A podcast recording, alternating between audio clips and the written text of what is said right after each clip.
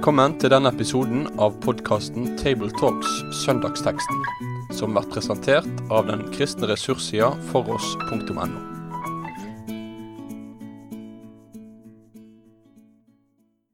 Hjertelig velkommen til, til denne episoden av Tabletalks. Um, og I dag så sitter vi tre stykker her i Oslo og er klar for å snakke om, uh, om uh, teksten for 28. mai, søndag før pinse. Mitt navn er Knut Kåre Kirkholm.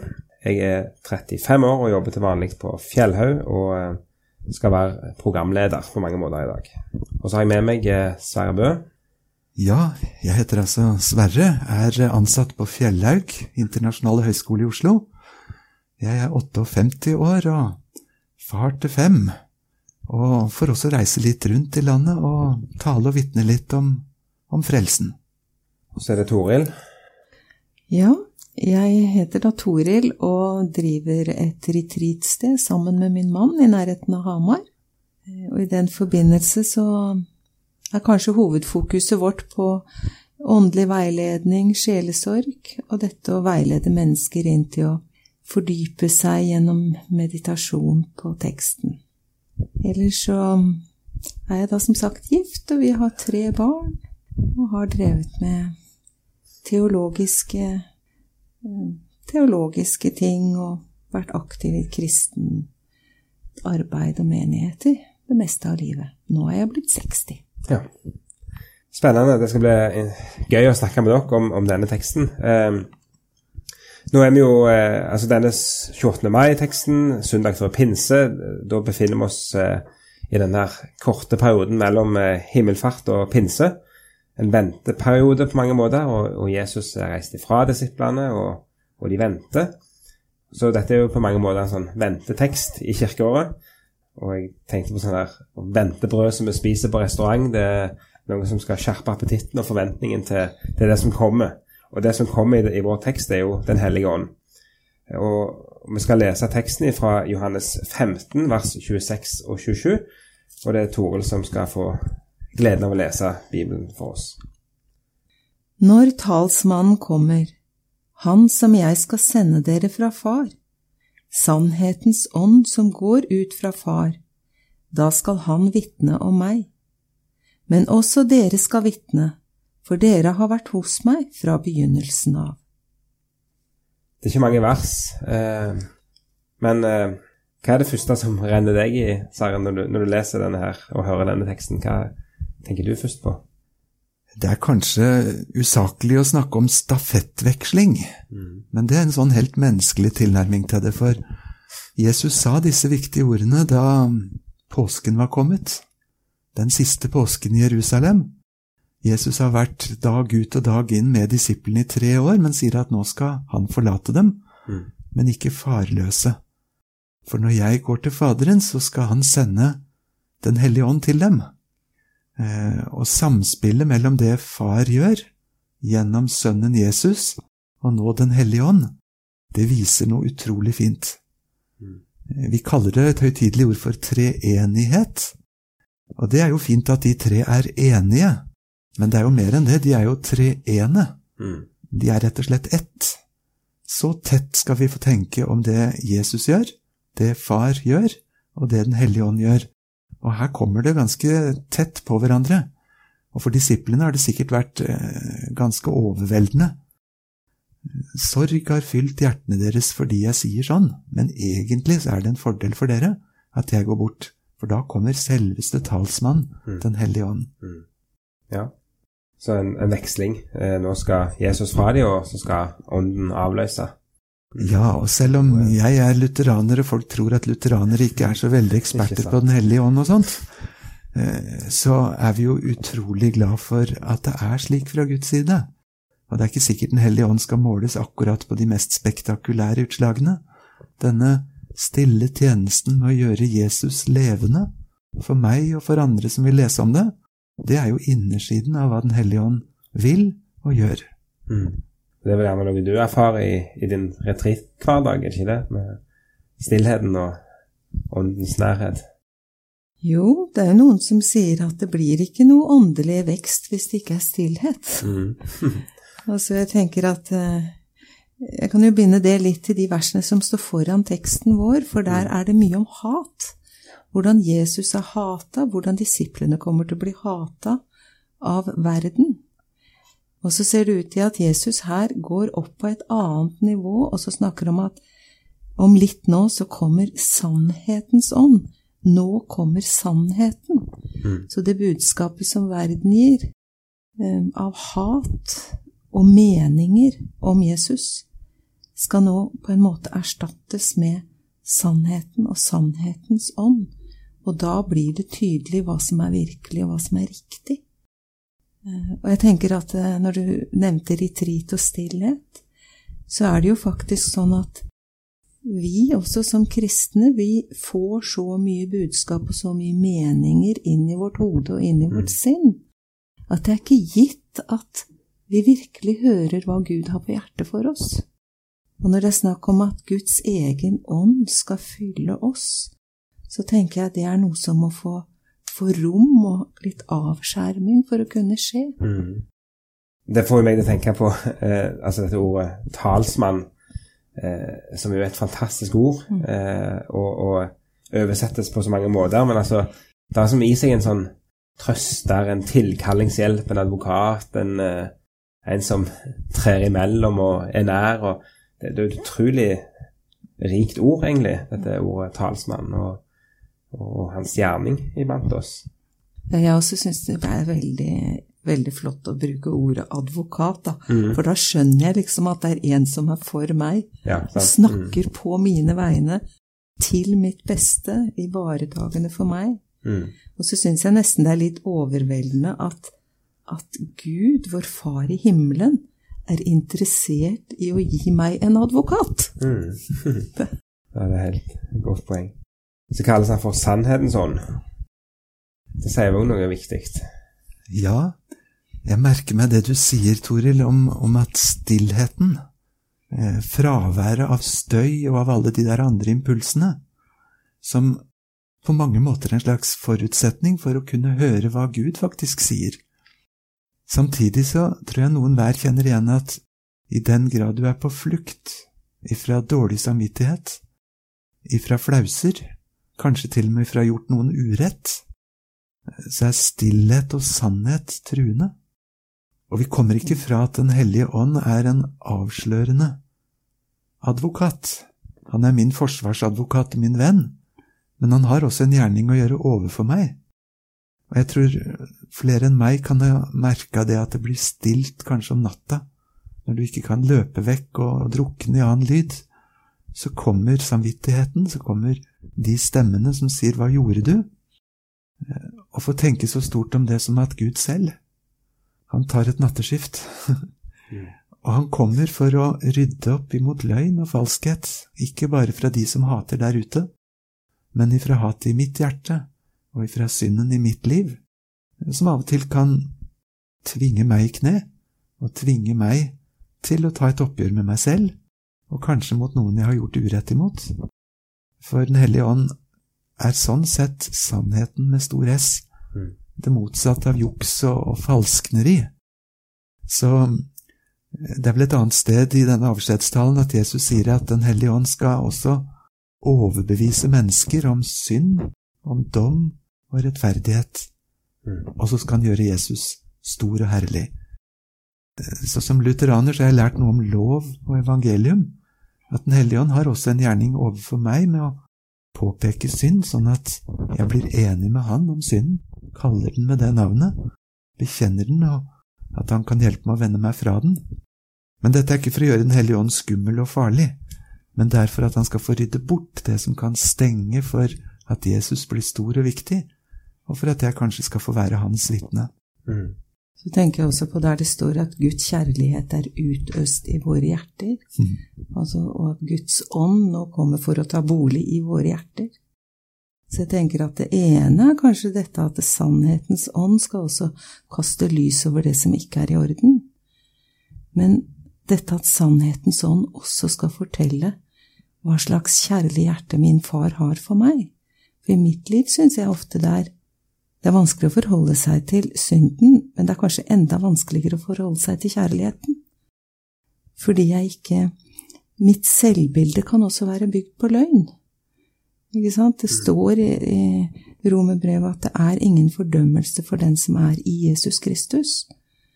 Men jeg kan sjøl leve under en evinnelig selvfordømmelse. Så det at, at, Gud ved sin ånd kan begynne å åpne opp Men du er elsket, Toril. Og at fars stemme sier at du er dyrebar for meg, det syns jeg er et lite mirakel. Uendelig stort. Mm. Og så, eh, Nå har vi jo allerede vært litt i dette her med eh, vitne, advokat eh, og, og dette, med, altså dette med å være vitne. Eh, her står det altså han skal ikke forkynne, han skal ikke undervise, men han skal vitne om meg, og så skal dere vitne. Um, I mitt, mitt hode er iallfall altså, vitneordet det, det, er et eh, mye mer intimt, eh, mer sånn kjennskapsbasert ord enn liksom, Det er noe mer enn du bare har lest deg til. Det er som en, noe, noe erfart. Eh, og, og, og, det å erfare ånden i sitt liv eh, sånn at, og, og det vitnesbyrdet han har, har om Jesus, som da utruster til sjøl å være et vitne. eh, syns jeg òg er en sånn en viktig, fin ting i den teksten. da. Vet ikke om dere har noen refleksjoner rundt, eh, rundt det uh, ellers? Jeg tenkte i hvert fall med en gang litt på en rettssak, da. Mm. Og der er det jo sånn at man har eksperter som skal inn og kunne gi bakgrunn og forståelse for et større bilde av saker og ting som er aktuelle. Men når du blir kalt inn som et vitne, så kreves det jo ikke at du skal være en ekspert, men du skal på en måte du skal bekrefte at dette har jeg sett eller hørt eller opplevd. Og da kan mange være uenig i det, kanskje, men jeg har jo sett det, og da er det det jeg skal fortelle.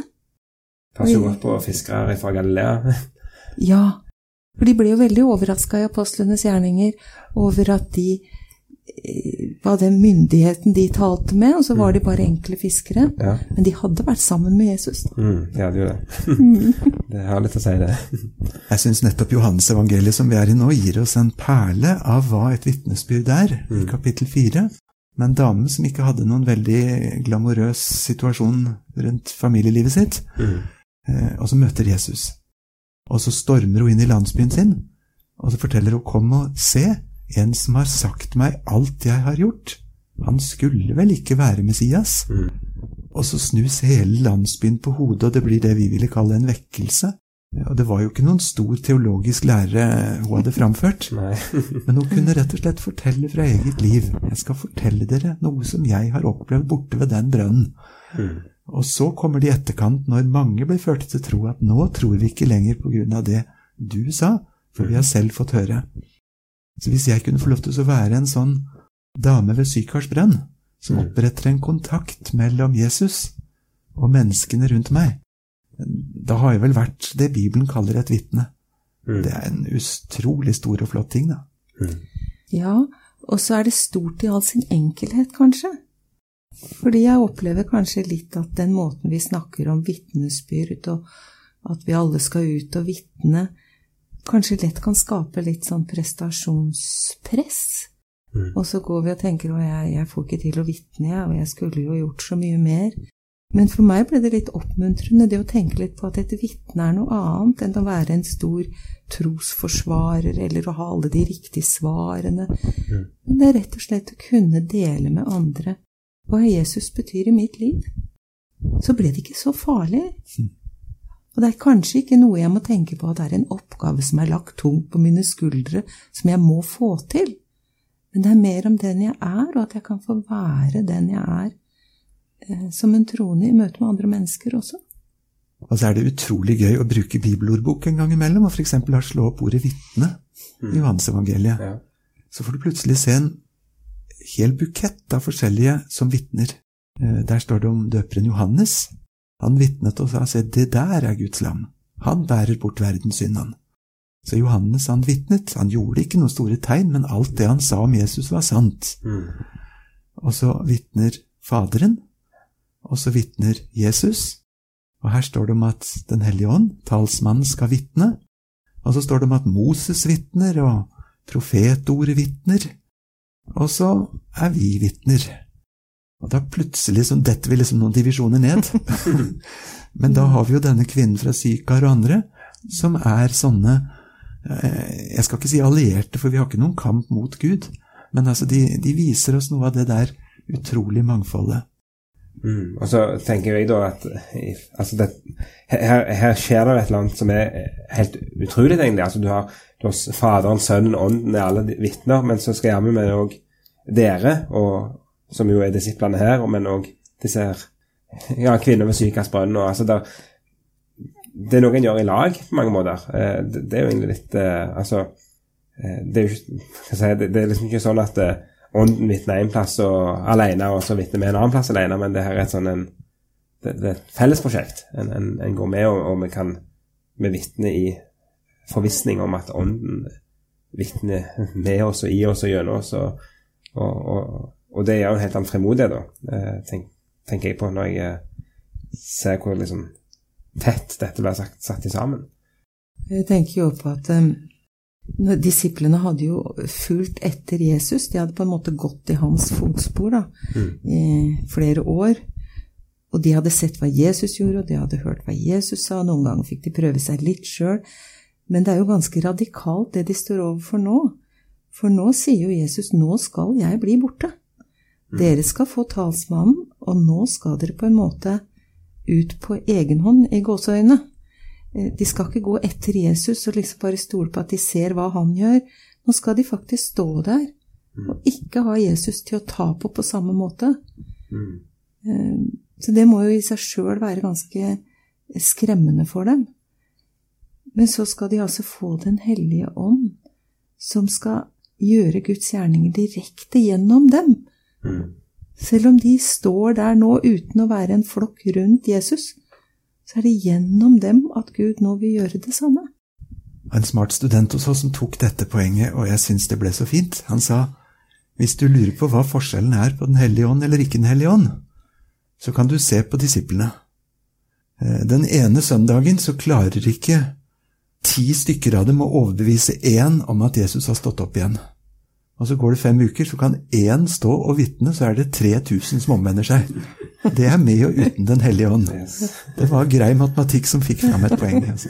Absolutt. Mm, den, den, er fin. Og, her, her, eh, her, er det jo dere skal vitne. altså det, det, er framtid. Det er noe som skal skje, og det er et løfte de får om, om noe som ligger foran dem.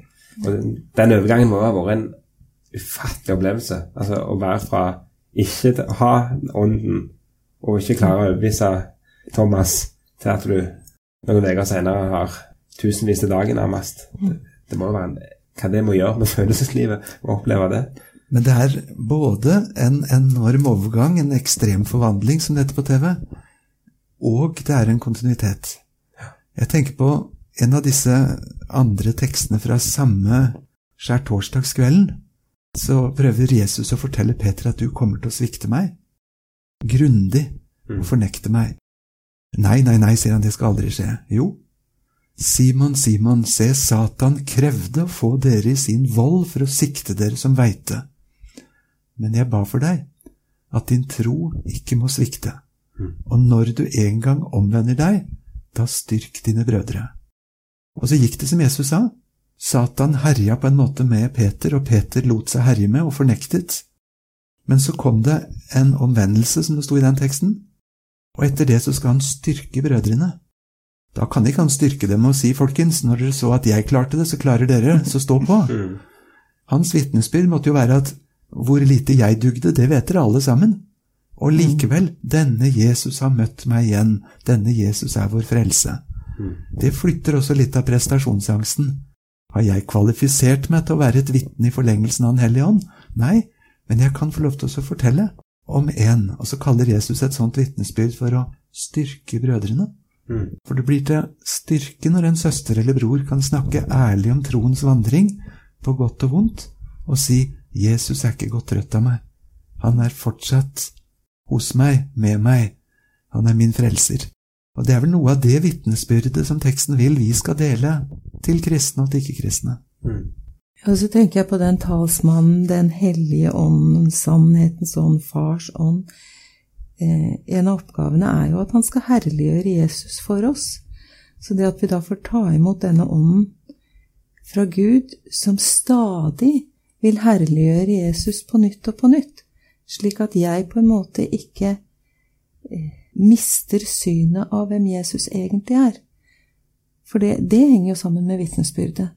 Hvis jeg skal vitne om Jesus, så må, må noen stadig åpne mitt blikk for hvem han virkelig er, så jeg ikke begynner å surre med det. For det er jo han jeg da kan gå og fortelle om til de andre.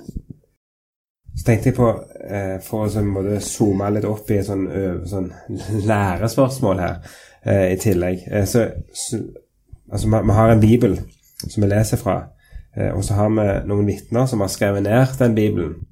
Og jeg tenker jo litt på den tryggheten som, som her, her, ligger nettopp i at det er ånden som det er Gud sjøl som tar bolig i sine vitner, eh, og som gir dem det vitnesbyrdet som vi har fått skrevet ned fra apostlene. Så når vi både skal se på liksom kilden som vi auser fra, som òg når vi skal ja, både ta til oss for vår egen del og ta til oss for, for å formidle det andre, så er det, så er det noe betryggende noe i det. da, At uh, denne teksten er med og, og, og, sier det til oss. At uh, det er sannhetens ånd, og det er talsmannen, og det er Gud som, som nå kommer eh, til sine apostler, som, har, som bærer fram dette vitnesbyrdet, som vi skal få lov å måtte, ja, ta stafettpinnen videre og, og, være de som gir videre til, til våre. Og de, enten det er i heimen, eller det er på en talerstol, eller hva det er. Det For da, da, sier vi på en måte at det er to veldig solide spor som gjør denne bibelboka til Guds bok til oss. Det ene er at de som har skrevet den, de var øyenvitner. Mm. De har sett det. Jeg var der. Det er ikke bløff. Jeg var med på fjellet, skriver Peter. Jeg så og hørte. Mm. Eh, og så på den annen side Eh, så er det jo egentlig ikke de, for det kommer ikke fra dem og fra deres utmerkede hukommelse og journalistiske evner til å beskrive det. For aldri er noe profetord oppstått med kilde inni i profeten, men Den hellige ånd mm. dreiv de og talte dem. Så Sånn sett så er det liksom to utrolig sterke spor som møter oss når vi åpner denne bibelboka. Mm. Og at det er sannhetens ånd som de har gitt oss det vitnesbyrdet som eh, som bibelboka løfter fram for oss.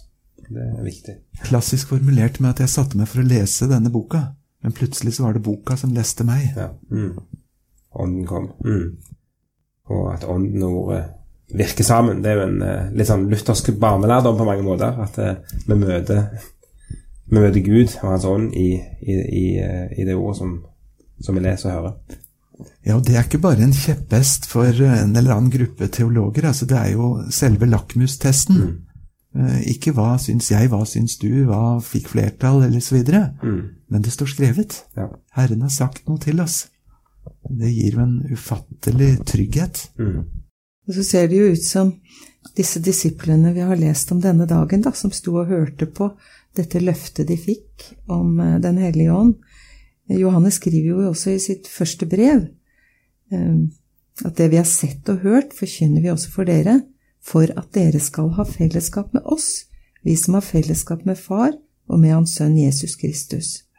Så jeg tenker, vi har ikke vært øyevitne på samme måten, men helt fra starten av så blir vi kobla inn til øyevitnene, sånn at vi skal ha fellesskap med øyevitnene, og så kan sannhetens ånd samstemme i vårt hjerte med det som blir gitt oss fra øyevitnene, som er skrevet ned. Det gir jo en, en frimodighet eh, inn i vår tjeneste. Og, og, når søndagen kommer og teksten skal tales over, så, så er det dette som, som vi skal, skal, bære fram, da. Eh, med det så vil jeg egentlig takke hjertelig for uh, i dag og, og samtalen vi har hatt. Til du som hører på uh, Tabletalks, så er det sånn at det ligger ressurser på nettsida foross.no om uh, disse her temaene, og jeg anbefaler å ta en kikk òg på de hvis du ønsker å lære mer om dette her. Med det sier vi takk for følget for denne gang. Finn flere ressurser, og vær gjerne med å støtte oss på foross.no.